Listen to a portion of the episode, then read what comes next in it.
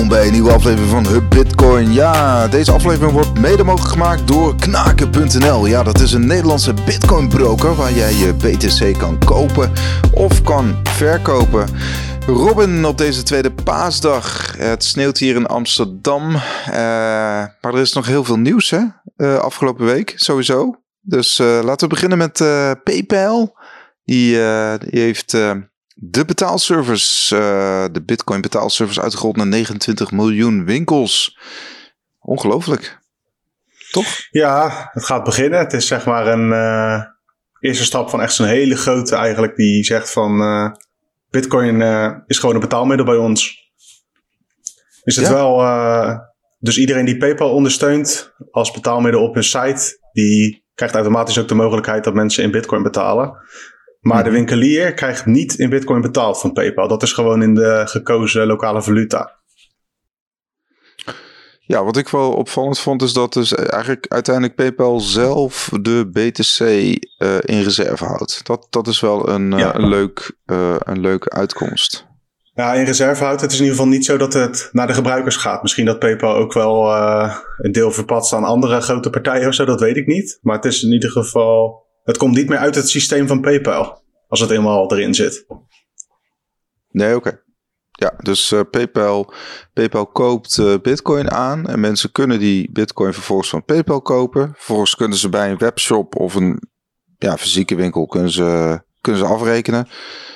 Maar de winkelier die krijgt uh, dollars of euro's. Of, nou, in, in eerste instantie dollars, omdat het alleen in Amerika wordt uitgerold. Ja. Dus eigenlijk, eigenlijk kun je zeggen, ja, Bitcoin is eigenlijk een soort, uh, ja, hoe noem je dat? In in volgens mij in het, uh, in het Engels is dat bearer asset of zoiets. Dus dat uh, het, het, het, ja, het, het houdt zeg maar de waarde, transactiewaarde. Maar goed, mensen krijgen gewoon inderdaad dollars nog.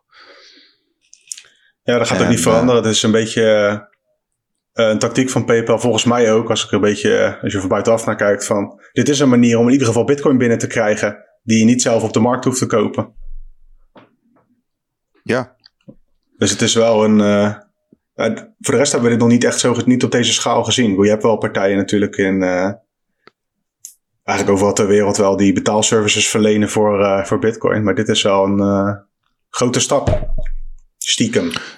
Ja, dus als je, als je verder redeneert, dan zou je kunnen zeggen: oké, stel dat klanten van PayPal in Amerika in dit geval die Bitcoin gebruiken als betaalmiddel. Ze gaan dat massaal doen. Dan, dan moet PayPal dus ook op de wereldmarkt uh, nieuwe Bitcoin uh, gaan kopen hè, via die Itbit exchange. En dat, dat kan er dan weer voor zorgen dat er ja, een soort, soort liquiditeits squeeze komt. Ja. dat de vraag weer groter wordt naar Bitcoin. Ik denk niet dat ik zelf ooit Bitcoin ga gebruiken in het PayPal-ecosysteem. Jij wel? Nee, nee. Ik, uh, ja, we hebben ook nog wel eens een betaling uh, via PayPal, maar dat is dan toch altijd wel uh, dollar, dan, wel, dan wel euro. Maar ja. ik, heb, ik heb geen bitcoin gekocht via PayPal. Nee, nee. We, dat doe ik gewoon via een Nederlandse partij. Dus, ja, ik ook hoor. Gewoon dat je het ook weer lekker zelf kan opslaan. Maar bij PayPal blijft het dus staan waar het staat en je kunt er eigenlijk niet echt bij. Het is hetzelfde als een euro bij hun, in feite. Je kunt er net zo weinig mee. Ja, maar ik merkte, ik merkte afgelopen week bijvoorbeeld ook met een. Uh, ik had uh, afgesproken met een vriend van me. Die zei: Ja, Wessel, uh, ik wil Bitcoin kopen. Waar kan ik dat doen? En. Ehm, hè, toen, toen, toen kwamen er bijvoorbeeld ook een aantal Nederlandse namen. Hè, en bijvoorbeeld bij Blocks. Blocks heeft eigenlijk hetzelfde. Hè? Daar kun je Bitcoin kopen, maar dan blijft het in die Blocks-app. En in, in zijn geval vond hij dat helemaal niet zo erg. Dus, hè, dus, um, dus er zitten ook wel gewoon mensen in Bitcoin die uh, er uiteindelijk gewoon uh, euro's voor terug willen krijgen. dus ja. dat, dat is wel een, een groep uh, beleggers. Ja, ik hoor daar niet toe. Ik vind het wel fijn dat je, dat je het naar een externe wallet kan sturen. Een self-custody wallet. Dat je zelf je sleutels beheert. Nou, om het even een beetje en positief te draaien. Het is natuurlijk wel. hiermee krijgt Bitcoin als betaalmiddel wel legitimiteit. Moet ik er wel ook bij zeggen dat ze ook allerlei andere coins uh, ondersteunen. Ether, Bitcoin Cash en Litecoin. Dus wat je daar dan weer van moet vinden is een andere discussie. Dus het is in ieder geval, ja, het wordt overal uitgerold, in ieder geval in Amerika. En ik denk als het daar goed gaat en aanslaat, dat het ook wereldwijd uh, wel eraan komt. Want die infrastructuur is er. Al is het wel ook de vraag hoe dat weer met elke lokale regelgever zit. Ik kan me voorstellen dat het anders is of je bitcoin betalingen via PayPal uitrolt in Nederland uh, in vergelijking met Brazilië of zo. Ja, dat. En je hebt natuurlijk ook weer te maken met lokale, ja, lokale valuta. Dus je moet ook weer, uh, ja, uh, maar dat doet in principe PayPal voor je. Dus omrekenen van dollars naar euro's, et cetera. Ze zeggen in ieder geval dat ze, dat ze geen extra kosten gaan in rekening gaan brengen in het omwisselen van bitcoin naar uh, naar, naar, naar dollars in dit geval. Oké. Dus dat, uh, dat is wel opvallend. Dat betekent eigenlijk dat zij zeggen, nou wij nemen dus de, de netwerkfees op ons, denk ik dan. Of misschien... Hoe, ja, dat, het zal wel ergens doorberekend worden. Want die netwerkfiets kunnen nogal, uh, nogal eens oplopen uh, als, het, uh, ja, als de mempool weer vol loopt. Als, met name, als, dit zie je vooral als de prijs weer gaat stijgen. Als er een soort FOMO in de markt komt, zie je die mempool ook weer vol lopen. En dan, en dan gaan de fees, de on-chain fees gaan dan ook weer stijgen. Ja, ik denk alleen niet dat PayPal heel veel on-chain transacties doet. Aangezien het dus, ze kopen het dan in ergens. Mhm. Nou, dat is dan de, de, transacties. Maar daarna blijft het gewoon in hun eigen ecosysteempje natuurlijk. Dus dan is het gewoon bij spreken spreadsheet intern. Het is niet zo dat ze ja. al die miljoenen eh, winkeliers straks bitcoin transacties moeten sturen. Omdat het zo in elkaar zit dat ze zelf die bitcoin houden en gewoon uh, fiat valuta uitbetalen. Ja, inderdaad. Klopt. Klopt. Het is inderdaad, eigenlijk kun je zeggen, ze, ze, ze hebben een soort extra, uh, ja, een extra gordijn of zo. En dat, dat is dan Bitcoin. Maar eigenlijk onder de motorkap uh, verandert er niet zo heel veel. Ja, nu nu we er zo over praten, denk ik, volgens mij als je PayPal via Bitcoin gebruikt, of andersom, Bitcoin via PayPal gebruikt, dan ben je eigenlijk alleen maar de schatkist van PayPal aan het spekken met Bitcoin. Er zijn tal van andere toepassingen die ook werken uh, om met Bitcoin te betalen een on-chain transactie, Lightning of via een andere payment provider die wel de bitcoin uitbetaalt? Ja, want het is eigenlijk ook onduidelijk wat, wat PayPal eigenlijk met die bitcoin allemaal doet. dat dat is niet iets... want zij kunnen volgens zeggen, nou, we gaan die bitcoin ook uitlenen aan, ik noem maar wat, aan market makers. Uh, en dan vragen we dan een fee voor. Dat zal ongetwijfeld in de aanvraag slash uh, brief zijn aan de SEC. Hebben natuurlijk, we zijn geen legal experts, maar daar zal ongetwijfeld in staan wat ze met die bitcoin willen gaan doen. Want je mag niet zomaar alles daarmee doen, denk ik, als uh, zo'n groot bedrijf als PayPal. Nou, ze werken samen met Paxos. En Paxos heeft wel een bit-license. Dat is een vrij strenge uh, licentie in de staat New York. Oh, ja?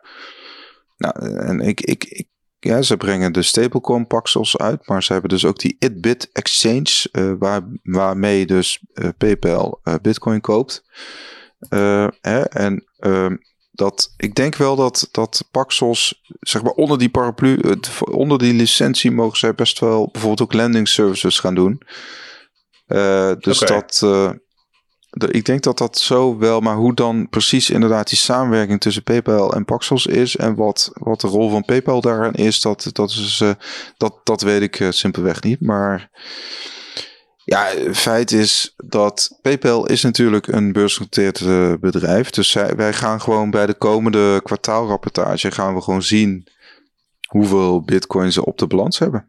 En dan uh, ja. kunnen we precies zien wat, uh, wat, wat ze hebben inderdaad. En, ik ben benieuwd. Dat is wel een interessante. Want ik kan me niet voorstellen dat dat toch... Ik denk toch niet dat dat een hele populaire dienst is of zo. Maar misschien is dat vanuit mijn bubbel.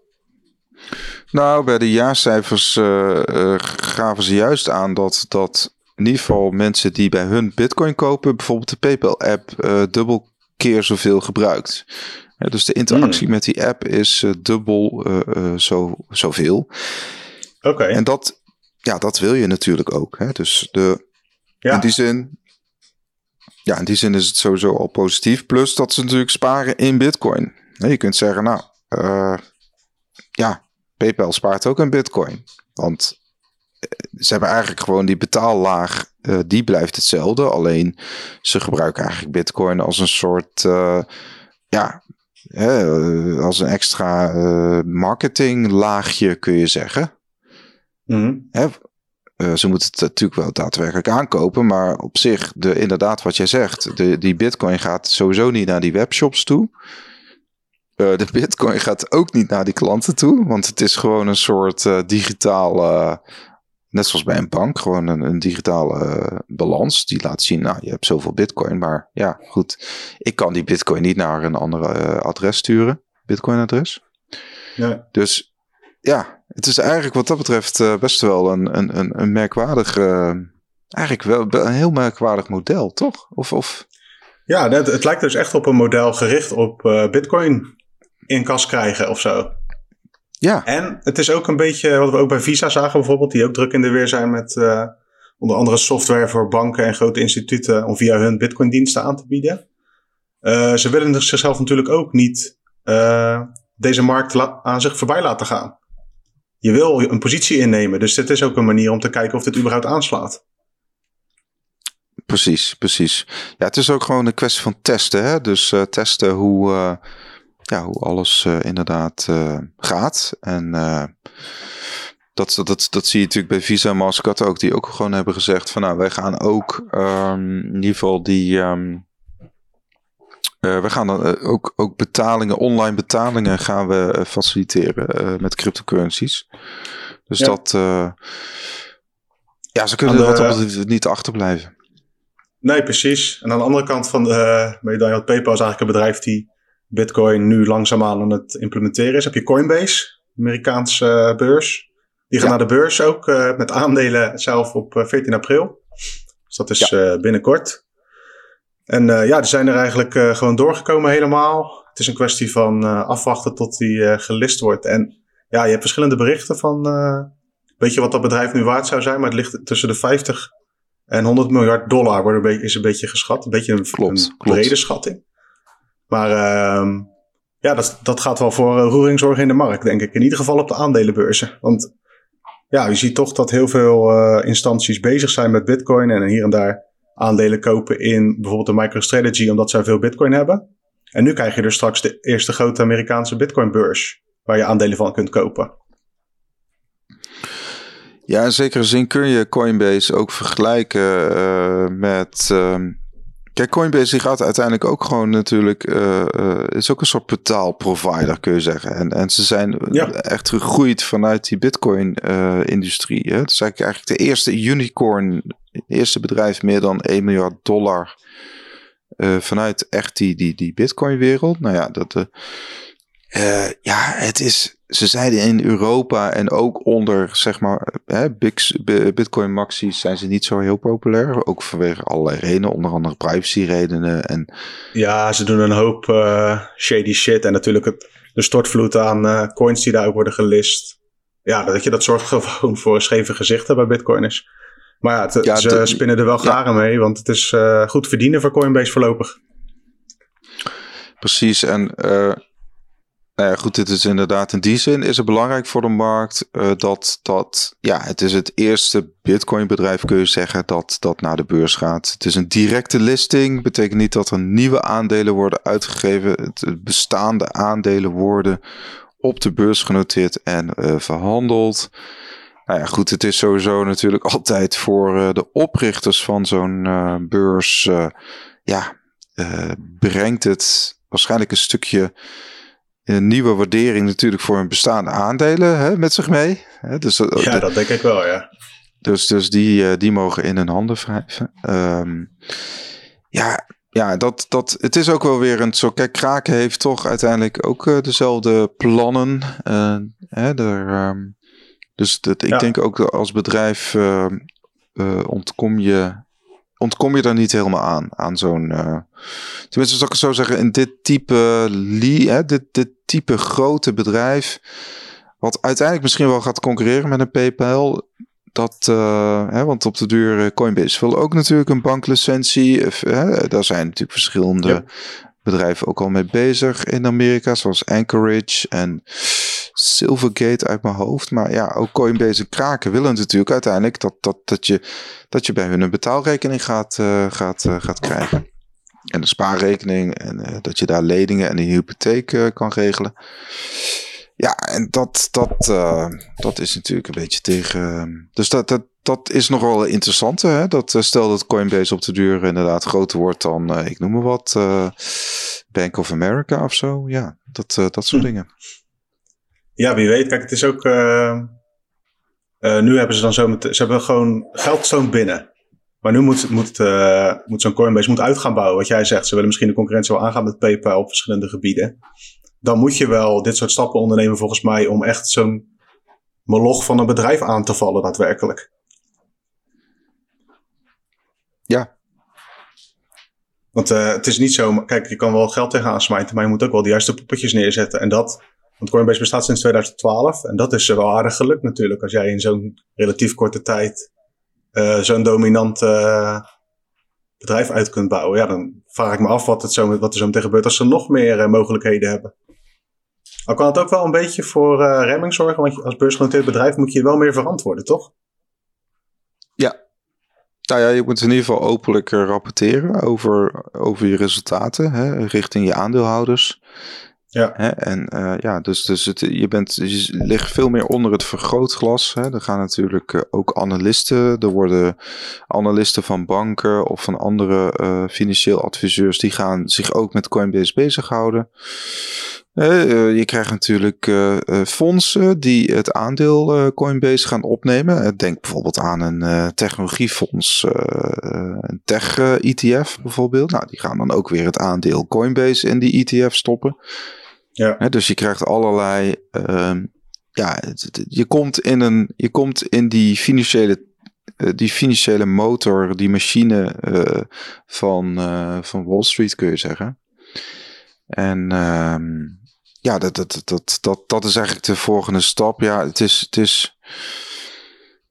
In zekere zin is het natuurlijk een beetje raar, want ja, het, het is natuurlijk eigenlijk die financiële markt, die, die maakt steeds meer gebruik van Bitcoin. Terwijl eigenlijk kun je zeggen, nou ja, het zijn, sommigen zijn natuurlijk ook weer die architecten geweest van die financiële crisis. Hè. Denk aan een Goldman Sachs of een, uh, of een, uh, ook een City, uh, een City of een Deutsche Bank.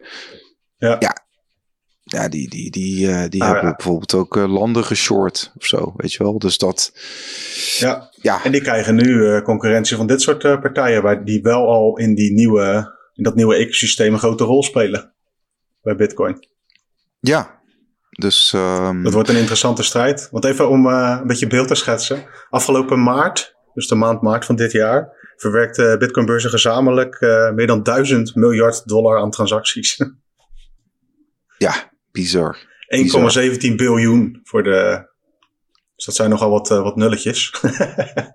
en uh, ja, Coinbase is daar een groot deel van. Zeker van de uh, businesskant pakken ze natuurlijk heel veel. En ze zijn gewoon de grootste beurs van Amerika. Precies, precies. Ja, wat luchtiger nieuws is dat uh, Paris Hilton is ook fan van Bitcoin. Sterker nog, ze is uh, ja, sinds 2018 uh, Bitcoiner, zag ik. Een tweetje van Max Keizer voorbij komen. Toch wel, ja, toch wel leuk hè, Paris Hilton. bekende ja, dochter uit een bekende hotelfamilie natuurlijk. ja, was jij verrast Robin van het nieuws? Ja, ik heb er al vaker voorbij zien komen met allerlei crappy projecten en uh, eh, NFT's en zo. Dus uh, er was wel iets van uh, vermoeden. En Bitcoin hoort er ook bij. Ja, het is een beetje zo'n voorbeeld van... jarenlang heeft ze bij spreken niet geroepen. En nu is het wel populair om er iets over te zeggen natuurlijk. Want iedereen, ieder bekend iemand die tweet, positief tweet over Bitcoin... of negatief trouwens... die kan rekenen op heel veel engagement op socials. Dus het is ook een beetje zo'n... het is ook goed voor haar om er even wat over te roepen. Ja, Bitcoin is een sterk merk. Hè? En dat, dat, dat straalt dan toch ook weer een beetje op je eigen merkje uh, af, kun je zeggen. Hè? Dat, dat, dat ja. is een beetje het. Uh, en uh, ja, Paris Hilton is vooral. ja, het is, ja, ze is gewoon ook ondernemer, toch? Ze is ook. Ze heeft verschillende. Is ze niet bezig met een hele parfumlijn of zo? Ja, eigen parfumlijn, inderdaad. Uh, daar heeft ze 2,5 okay. miljard uh, aan omzet mee gegenereerd. Dus je kunt wel zeggen, nou, ze, ze kan wel wat. Hè? Uh, het is niet zomaar dat zij alleen het geld van haar familie, dat ze daar zeg maar mee rent, niet het bewijs van. Maar ze, ze, ze onderneemt zelf Zal er wel gebruik van hebben gemaakt. Dat wel, ja. Ja, het is natuurlijk wel iets makkelijker om een eh, bedrijfje te starten. Ja, dat wel. Ja, ik kan iets meer risico's nemen, denk ik, eh, met zo'n achtergrond. Precies, Maar goed, precies. inderdaad, het is niet dat ze alleen maar eh, op de Hilton rate zit. Het is ook dat ze blijkbaar is ook wel actief. en wat, waar ik eigenlijk benieuwd naar ben is, oké, laat dan ook maar zien en gooi maar wat bitcoin op je bedrijfsbalans. Ja, het is, het is ook... Niet dat ik het niet leuk vind hoor, dat iemand eh, gewoon eh, erover praat, maar dat ik denk van, eh, kijk, dan moet je ook een daad bij het woord voegen. Ja, of, of inderdaad... Weet je, het- is ook don't trust verify, hè? Of, of, of laat, laat gewoon bijvoorbeeld één bitcoin-transactie zien of zo. Hoeft niet gelijk, hoeft niet gelijk je, Ja, ja, je adres te zijn. Het hoeft allemaal niet, Maar maar inderdaad, dat zet het wel wat kracht bij, als ze dat zou doen. Hetzelfde geldt eigenlijk voor Snoop Dogg, die pakken we er ook maar even bij. yes, Die had ook eh, in een interview riep die, eh, dat Bitcoin een, een blijvertje wordt. 100%. Ik geloof in Bitcoin. Vrij vertaald, hè? Eh, hij gelooft dat het een wereldwijde verbinding creëert. Ja, dat is ook gewoon een beetje marketinggelul, vind ik altijd. Maar goed. ja. Dus ja, weet je, het is de tijd voor celebrities ook om weer wat over te roepen. Ja, nou ja, je ziet dat hij toch ook wel, eh Snoep is vooral bezig met, eh, met, eh, met shitcoins. Maar goed, eh, hij, eh, wat op zich wel een leuk, eh, leuk feitje is, is dat hij in 2013 eh, een album van hem eh, verkocht voor eh, 0,3 bitcoin per stuk. Geen idee wie dat eh, destijds Ja. gedaan heeft, maar eh, 2003, dat was nog echt wel voor de, ja, voor de 2013. 2013, inderdaad. Dat was nog voor de hype eigenlijk, hè? in ieder geval de hype van 2017. En eh, ja, er zijn verschillende bekende eh, artiesten, kun je zeggen, die ook Bitcoin hebben. Onder andere de eh, bassist van Kiss, hè? Gene Simmons. Ehm, hij is een Bitcoin hodler, seven figure. Dus dat is, ja, wat is dat? In ieder geval eh eh, 1 miljoen aan Bitcoin. Zeg ik het goed? Ja. Ook hij tweette dat eh, over allerlei andere coins ook. Dus het is allemaal een beetje een soort van vergaarbak van eh, gewoon een paar dingen mentionen, lijkt het wel. Ja, nou die ene rapper eh, Logic, die, die is niet zo heel bekend, maar is een beetje, volgens mij uit Canada of zo. Maar goed, die heeft toen wel echt op een, op een goed moment Bitcoin gekocht. Die, wat hij in ieder geval aangaf, dat was november 2020. Hè? En dan ook gelijk voor Ja. 5 à 6 miljoen, meen ik. Dus die, eh, die heeft wel goed geboerd. Op aanraden van zijn manager toch of zo. Ja, ja, klopt. Dus eh, nou, die heeft, eh, die, die heeft zijn management fee ook alweer terugverdiend. ja, Dus, die is zijn baantje nog even zeker. Ja, je ziet ook, jij deelde dit weekend volgens mij een tweetje van, van Winnen, de rapper uit Rotterdam. Wel bekend van Great, Great Ja. Minds. Super album. Een super groep was dat destijds. En, eh, maar goed, die zit toch ook wel een beetje, die, die, eh, gek genoeg, net zoals Boef, hè, die, kijken, die kijken dan toch eerder naar die eh, muntjes die, ja, die gewoon nog niks waard zijn. En dan hopen op, op maal, maal 100 of maal 1000. Ja, dat is ook prima. Weet je, zo zijn we ook begonnen.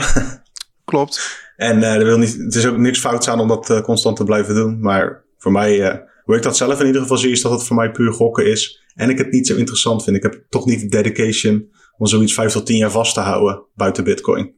Dus ja, Nee, je wil zeggen, Bitcoin is inderdaad makkelijker om, om vast te houden, te sparen. voor mij wel. Ja, heb je, heb je voor jezelf dan ook bijvoorbeeld dat je zegt, nou, ik, ik, ik ga in ieder geval tot 2030 er niet aankomen? Nou, ik heb eigenlijk meer zoiets van, als ik er niet aan hoef te komen, ga ik er sowieso niet aankomen. Niet echt met een, eh, met een tijd of zo. Nee, oké, dus dat, dat Want heb eh, moet je voorstellen dat je, dat je. zeg, maar, zeg dat je met jezelf afspreekt van, oké, in 2030 eh, ga ik wel wat, wat mee doen. Wat dan weet ik niet, want het is ook maar de vraag waar je het dan in gaat stoppen. Wat je er dan mee gaat doen. Oké, stel dat je dat afspreekt en je zit dan net in een bear market dat alles 80% is gedaald. Ik zeg maar wat. Hmm. Bedoel, die- zo'n afspraak met jezelf in over, over weet ik het hoeveel jaar is met Bitcoin best wel lastig te maken, denk ik. Ja.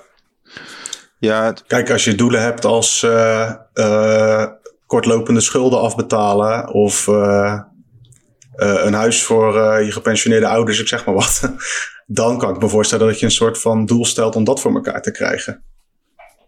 Maar ik zou niet zo snel eh, zelf voor mezelf een tijdstip kiezen van oké, nu mag het weer aangeraakt worden. Het is ook een beetje als je het nodig hebt, want daar is het eigenlijk voor voor mij. Ja. Als ik het volgend jaar nodig heb of, of morgen, dan eh, ben ik de eerste die het uh, in gaat zetten voor uh, whatever dan nodig is. Ja, vaak gaan die discussies ook over, over je moet dan je bitcoin soort van inwisselen in euro. Maar eigenlijk, ik denk dat er nog, als, als, je lang, als we lang genoeg wachten, Robin, dan, krijg, dan, dan krijgen we toch nog wel een wereld waarin we dus, waarin je je bitcoin kan, kan aanhouden. Je hoeft het niet in te wisselen tegen, tegen euro. Uh, en, maar, en, uh, maar je kunt bijvoorbeeld wel zeggen, uh, ik noem maar wat, je kunt er wel een, op basis daarvan kun je bijvoorbeeld de hypotheek aangaan als extra onderpand. Hè? Of ja. je, je kunt het meer als een onderpand gebruiken, als een collateral voor, ik noem maar wat, stel, ja, voor, voor een aanschaf van iets. en dan, um, dan, hè, dat, kan, dat kan natuurlijk, op de duur kunnen natuurlijk toch, hè, als we ervan uitgaan dat banken voorlopig uh, bijvoorbeeld de hypotheekmarkt in handen blijven houden, want het is nog steeds een beetje hun markt. Ja, dan, dan, dan, mm. dan, moet je, dan, dan kan het zijn dat een bank op de duur zegt: Oké, okay, dus niet alleen het huis is onderpand, maar ook uh, de bitcoin die je, die je op je als vermogen hebt, dat is dan een, een soort dubbele onderpand. En daardoor krijg je bijvoorbeeld een betere, een gunstige hypotheekrente. Ik noem wel wat. Hè? Of... Ja, kijk, dat, dat klinkt een beetje vergezocht. Maar eigenlijk is dat het niet, want je ziet nu ook bijvoorbeeld Amerikaanse banken die dan echt wel bezig zijn met financiële producten voor Bitcoin al. En nog niet wat jij nu schetst met hypotheken en zo, maar wel dat ze hun grootste klanten met het meeste vermogen nu uh, uh, informeren over de diensten die ze aan gaan bieden. Onder andere Morgan Stanley. Ja. Ik kan er even bij pakken. Oh ja. Ja, jij gaat door met nieuws. Hun, ja, nou ik had zoiets van dat is een mooi koppeltje, een mooi bruggetje van bank en hypotheken. Naar, dat is best realistisch, want... Prima, als jij dat vindt, dan uh, is dat goed. um, even kijken. Uh, ja, Morgan Stanley klanten, die mogen straks gaan investeren in, via de bank dan, met hun beleggingsportfolio, in het Grayscale Bitcoin Trust. Mm -hmm. Dus een aandeel in een Bitcoin fonds. En een x aantal futures op Bitcoin. Ja ze zijn echt. Uh, ik zit even op te zoeken hoeveel. Uh, om welke klanten het gaat. Want het is niet voor iedereen. Het is voor de high net worth individuals. Ja, volgens mij vanaf uh, 1 miljoen toch? Of vanaf 250.000? Iets in die trant. Ja, het is in ieder geval, uh, het is niet voor de kleintjes. nee, nee dat, dat, kijk, het zijn, het, het zijn natuurlijk inderdaad gewoon grote banken die uh, vermogende klanten hebben en uh, die hen adviseren waarin ze moeten beleggen. Hè. Kijk, uh, veel banken hebben bijvoorbeeld heel veel ETF's.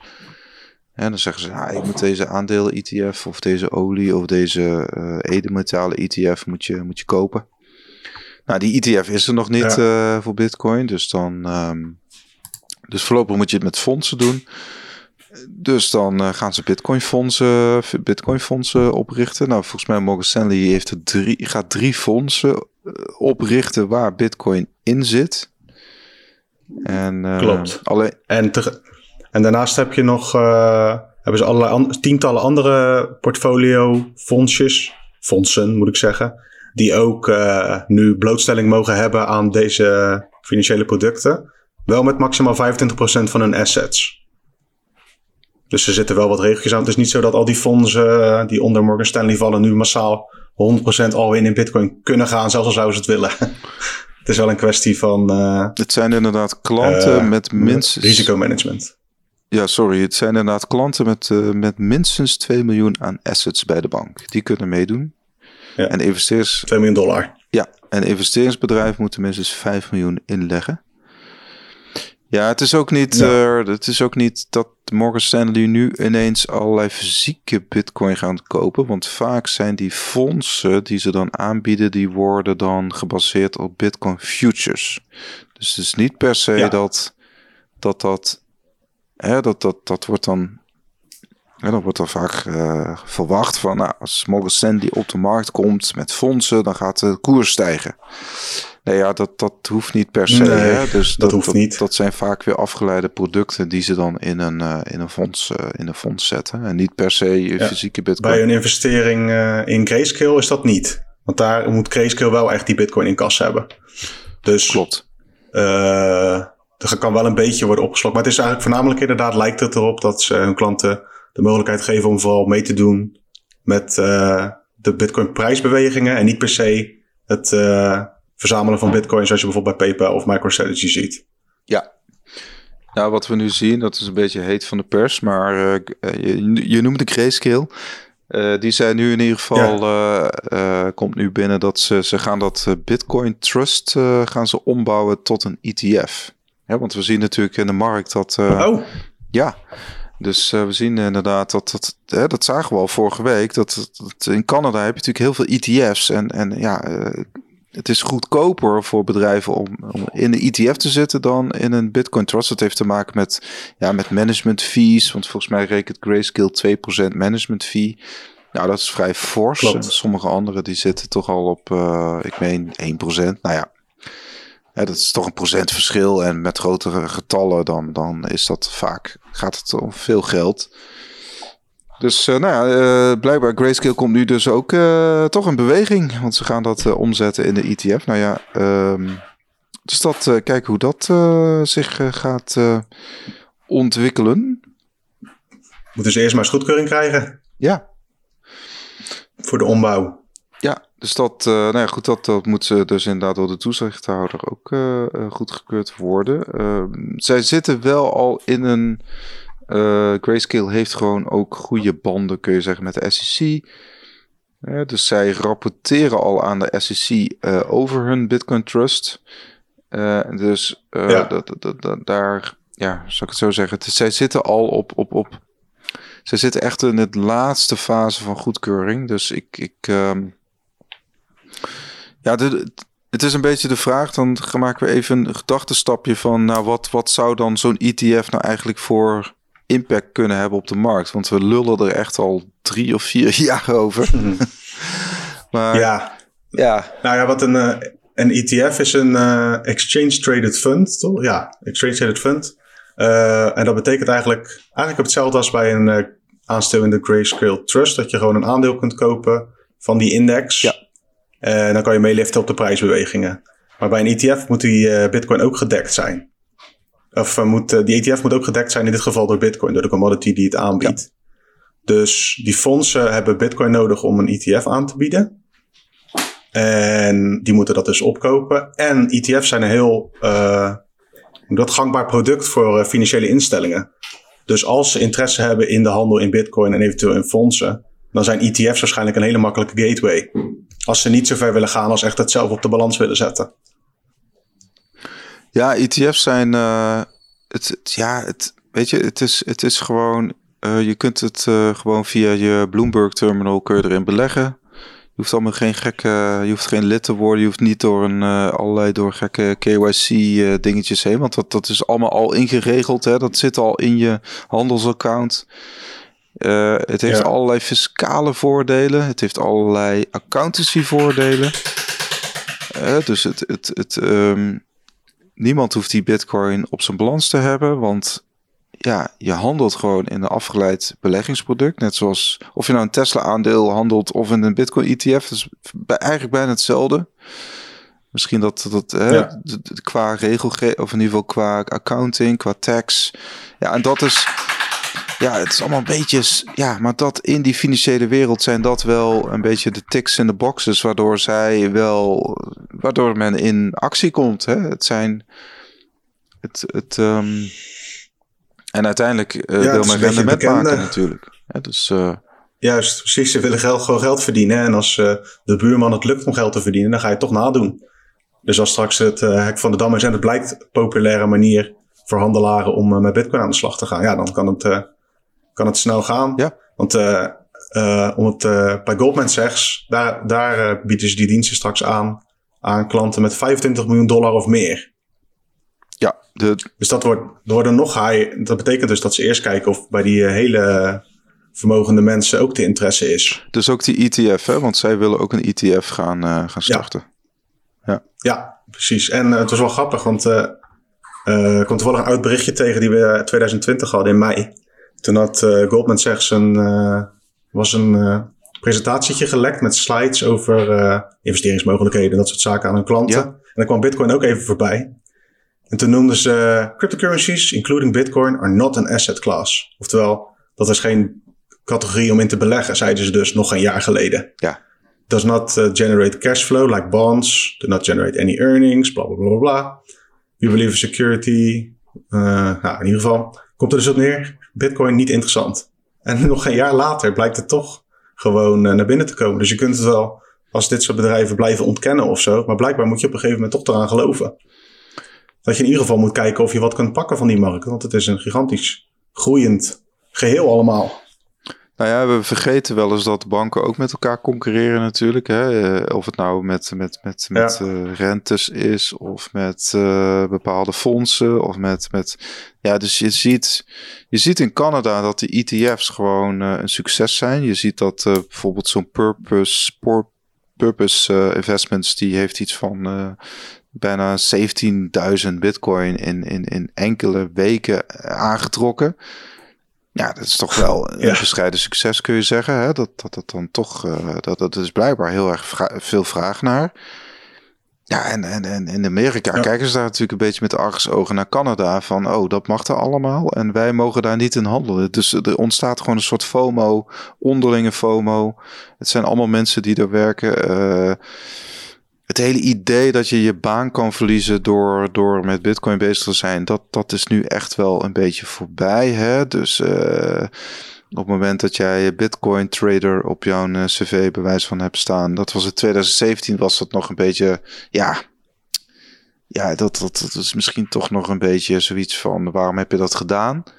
En nu, uh, nu, nu ja. is het ineens een plus. Hè, dus, uh, dus dat, uh, dat, dat het, het, is, het is ook het persoonlijke, het psychologische, wat denk ik een rol speelt uh, in deze markt. Ja. En nou ja, dat, dat leidt dus de, ook lokaal gezien tot gektes. We zien dat bijvoorbeeld in, in Zuid-Korea heb je nu die kimchi premium weer. Dus de lokale vraag naar bitcoin die, die stijgt gewoon keihard. Waardoor, ja, waardoor, waardoor die prijs daar boven de 66.000 zit. Uh, toch? Dat, dat, is ook uh, ongekend. En uh, het is, va het ja. is vaak wel een. het, kan een het, het, kan een signaal zijn dat inderdaad de, de, de, de markt wat, wat oververhit is. Um, maar ja, analisten wijzen erop dat dat, dat, dat voorlopig toch nog niet het geval is. En dat, dat we pas in, de, in, de, in het begin van een, een, een, een, de volgende fase van de boelmarkt zitten. Dus dit ja, voor mij uh, lijkt dit geen slecht nieuws. In de zin van, oké, okay, er is dus een land waar... Uh, voor mij is het, komt het ook voornamelijk omdat mensen in Zuid-Korea alleen maar in Zuid-Korea hun bitcoin kunnen kopen. Dus er is maar een beperkt uh, aanbod. Wij, als Nederlander kun je in principe gewoon bij buitenlandse beurzen ook gewoon aankopen doen. Ja. Niet bij allemaal meer door de nieuwe regeltjes volgens mij. Maar goed, dat terzijde. voor mij is dat alleen maar goed nieuws als, een, als een, in een land blijkt dat de vraag hoger is dan dat aangeleverd kan worden. Dat is volgens mij nooit slecht nieuws, maar dat kan aan mij liggen. Nee, eens. Dus dat, dat uh, inderdaad. En uh, nou ja, we zien ook in Thailand dat uh, in Thailand is de Bitcoin, was stond het? Daar stond de enorme groei in Thailand. Handelsvolume. Handelsvolume 600% gestegen sinds november. Dus ja, dat is toch ook wel sprake van, van gekte natuurlijk. En, ja, in even, uh, even kijken hoor. Arnold heeft er een artikeltje over geschreven. Ja. Het handelsvolume was in november bij de Bitcoin-beurs uh, in Thailand uh, omgerekend zo'n 575 miljoen dollar. Mm -hmm. En dat is nu bijna 4 miljard dollar. ja, bizar. Heeft ook natuurlijk te maken gewoon met. want ja, even snel. het is, de prijs is natuurlijk ook wel een keer 5 gegaan of zo sinds die tijd. Ja. ja. Dus het volume zou dan ook, als die Bitcoin daar blijft staan, sowieso maar het toont in ieder geval aan dat ook uh, in dit soort landen er echt groei is in de handel in dit soort, uh, op dit soort beurzen. Wederom, ja, het, is, het blijft bij allemaal bullish nieuws. Soms zitten we ook wel eens uh, te denken van ja, moeten we ook niet wat negatiefs vinden, maar er is zo weinig of zo. Ja, nou ja, misschien in Thailand. is, er, is er in Thailand sprake van inflatie? Vast wel. Hè? ik bedoel, de inflation rate in, in Thailand. Oh, het valt, valt, valt. Officiële valt mee in ieder geval. Uh, Wat dan? De inflatie, uh, in ieder geval voor uh, de officiële inflatie, ligt uh, rond de 4% gemiddeld in Thailand. Oké. Okay. Maar goed, er zijn ook wel eens uit. Daar heb ik geen idee van. Nee, precies. Nou, het kan, het kan ook gewoon een meer een, een, een um, hoe zou ik het zeggen, meer een push zijn vanuit bedrijven in, in Thailand. dat Ja, een random theorie van mij is, en ik heb geen idee of dat klopt, hè, maar in Thailand mag je niet zomaar, als je als Westerling daar woont of zo, mag je niet zomaar bezit kopen. Moet vaak iemand met Thaise roots mag dat maar. Oh ja. Op sommige gebieden geloof ik. Nou ja, er, zitten best wel veel expats daar natuurlijk. Voor hetzelfde geld komt dat volume voornamelijk uit mensen die het niet in vastgoed kunnen steken. Ik noem maar wat geks. Zou, het zou goed kunnen dat dus het van allerlei eh, regels. allerlei theorieën mogelijk. Ja. Maar goed, uh, ook daar dus uh, ja. stijgende cijfers. Nou ja, je ziet dus dat de lokale, we zagen het ook in Nigeria, we zagen het in Chili en Peru, dat er gewoon lokaal, kan er gewoon zo'n premium ontstaan inderdaad. Soms omdat de markt gewoon afgesloten is. Dus dat, dat je echt inderdaad een, een ja, een, een lokale markt hebt uh, en dat je niet bij Kraken of bij Coinbase mag kopen als, ja. als iemand uit Nigeria. En um, nou ja, goed. Um, ja, inderdaad, heel veel bullish nieuws. Uh, maar misschien... Nou, we kunnen er wel eentje doen die wat minder was. Iets kleins, iets korts. Ja, doe maar. Dus, uh, Spaanse straatadvertenties, onder andere over bitcoin. Oh, ja. uh, die krijgen mogelijk te maken met, ja, veel korter, wat strengere controle van de autoriteit van financiële markten van het land. En de reden is eigenlijk dat er ook een hoop, blijkbaar een hoop scams tussendoor komen. Dus dan staan er dus gewoon oplichters groot door het straatbeeld heen. ja. Dus er is een, op een gegeven moment een campagne gestart door iemand en dat blijkt gewoon geen, uh, niet de bedoeling te zijn. En dat kwam met name onder andere ook door woordkeuze of zo. Dus ook een beetje, ja, het is het, regelsneuken van uh, de Spaanse bedrijf Bit2Me. Die zouden loze beloftes maken met de slogan: De revolutie is pas net gestart. Welkom bij Bitcoin. Ah. Blijkbaar is dat een soort van misleidend of zoiets. Dus uh, nou, dat is een heel klein negatief dingetje, maar het toont wel aan dat lokale overheden op allerlei kleine maniertjes in ieder geval de boer wel kunnen frustreren.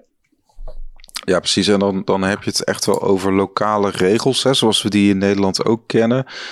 Ja, Bitcoin is wereldwijd. Hè? Dus, dus uh, dat ook al zou bijvoorbeeld Bitcoin verboden worden in, uh, in India uh, of in andere landen. Want er zijn overigens al landen waar Bitcoin in ieder geval als betaalmiddel al verboden is, zoals in Rusland onder andere.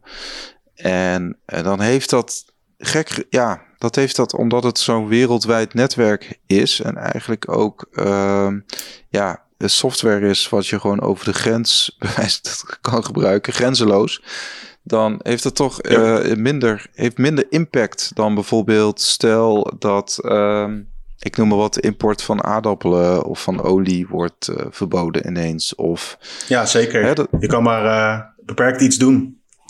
Ja, dus, dus ook, ik heb soms die idee, die lokale regels. Oké, dan, dan wordt het even in Spanje wordt het dus blijkbaar lastiger om, om te adverteren met Bitcoin. Oké, we zagen dat in Engeland ook, hè, dat, dat uh, het Britse beurs Coinfloor, die werd toen ook op zijn vingers getikt, dat het uh, inderdaad misleidend uh, zou zijn.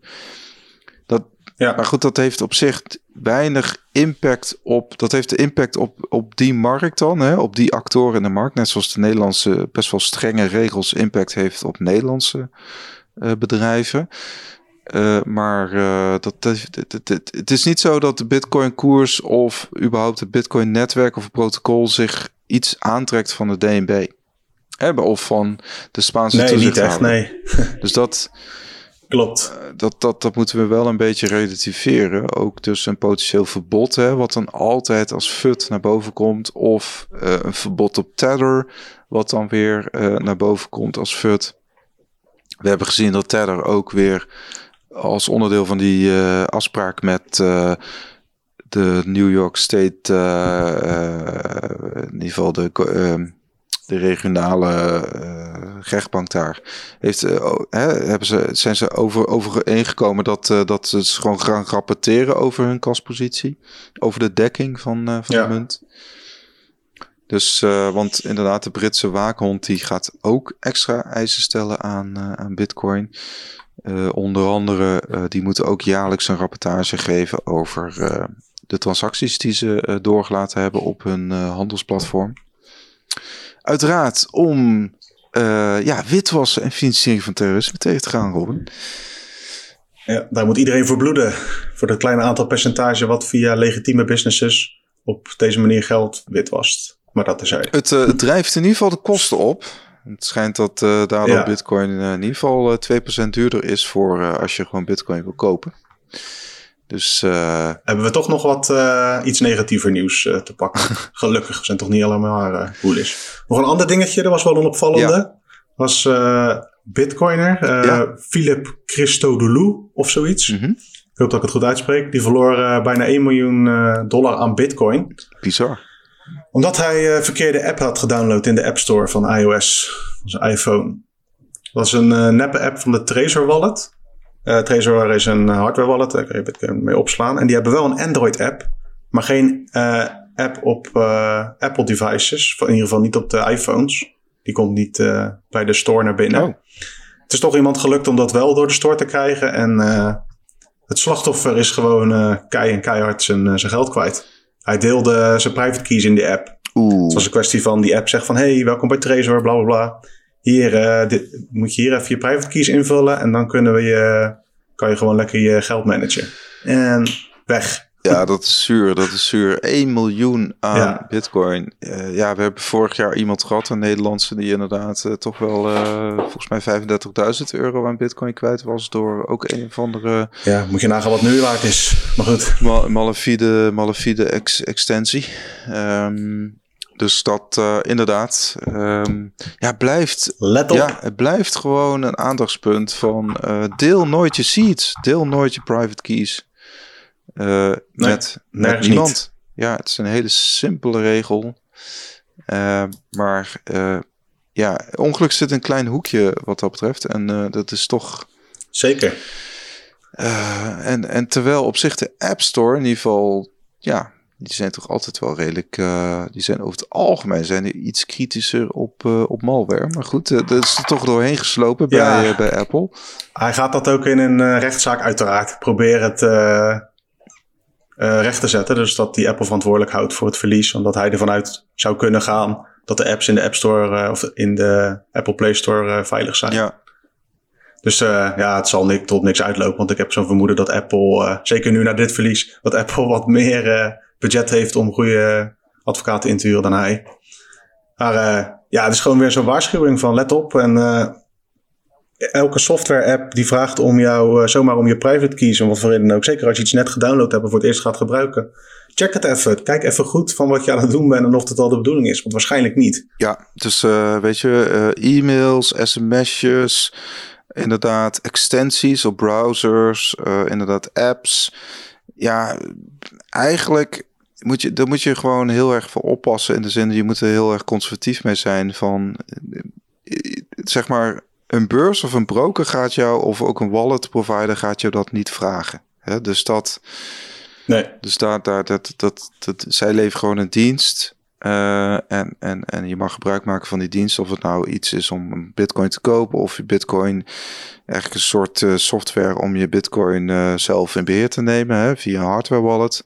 En, en that's it. Zij gaan over het algemeen. En ga dan altijd inderdaad naar de officiële websites. En kijk hè, voordat je ergens op drukt of klikt, kijk of er inderdaad ook officieel iets aan de hand is. Uh, of vraag het gewoon in, contact, uh, in onze Telegram groep. Dat kan ook. Of op Facebook. Ja. en uh, even kijken. We hebben in ieder geval komende week, Robin, hebben we nog het nieuws rondom Betonic en de Nederlandse Bank. Want woensdag, 7 april, is, gaat de rechter in Rotterdam uitslag geven het doet uitspraak. Per e-mail is dat wel. Maar goed, dat zullen we uh, snel genoeg horen. Of uh, inderdaad uh, wie gewonnen heeft in die zaak. Het gaat om de verificatie-eis die de Nederlandse bank eist van geregistreerde partijen in Nederland. En um, nou, Beton, ik wil die verificatie-eis uh, laten toetsen door de rechter. En uh, nou ja, goed, we gaan uh, daar de uitslag van horen. dan hebben we natuurlijk Coinbase. Ja. ja. dat is eigenlijk de week erop. Hè. Dat is die 14 april pas, die beursgang. Dus daar zal, dat, dat zal meer de volgende week zijn. Verder zien we in de markt, wat op zich wel positief voor de koers is, dat de miners amper aan het verkopen zijn. het is niet de, misschien de meest belangrijke partij om te verkopen. Dat wordt het vaak wel aangenomen. Maar het, het, het, zijn natuurlijk uiteindelijk handelaren die verkopen. Maar we zien dat miners aan ja. het accumuleren zijn. Dus dat is op zich wel een, een, uh, een positief uh, signaal, kun je zeggen. En, ja, we hadden nog niet genoeg positieve signalen, hè? nee, nee, wat dat betreft mogen we niet klagen. En ja, weet je, de, de, prijs die we nu zien is al ongekend, toch, Robin? Ik bedoel, 58.000 ja, dollar. Dus, vergeten mensen nog wel eens, maar nog een jaar geleden, of ja, nu ongeveer een jaar geleden iets meer, vorig jaar maart, donder die ruim onder de 5000, sommige plekken zelfs onder de 4000 dollar. Klopt. Om maar aan te geven hoe tumultueus het allemaal kan gaan. En ja, dat kun je allemaal volgen op bitcoinmagazine.nl. Volg ons op de socials, op Twitter, op Facebook, op Telegram kan je lekker mee chatten. En uh, ja, abonneer ook even op de podcast zou ik zeggen. En dan uh, tot volgende week. Yes, hold on. Later. Doei.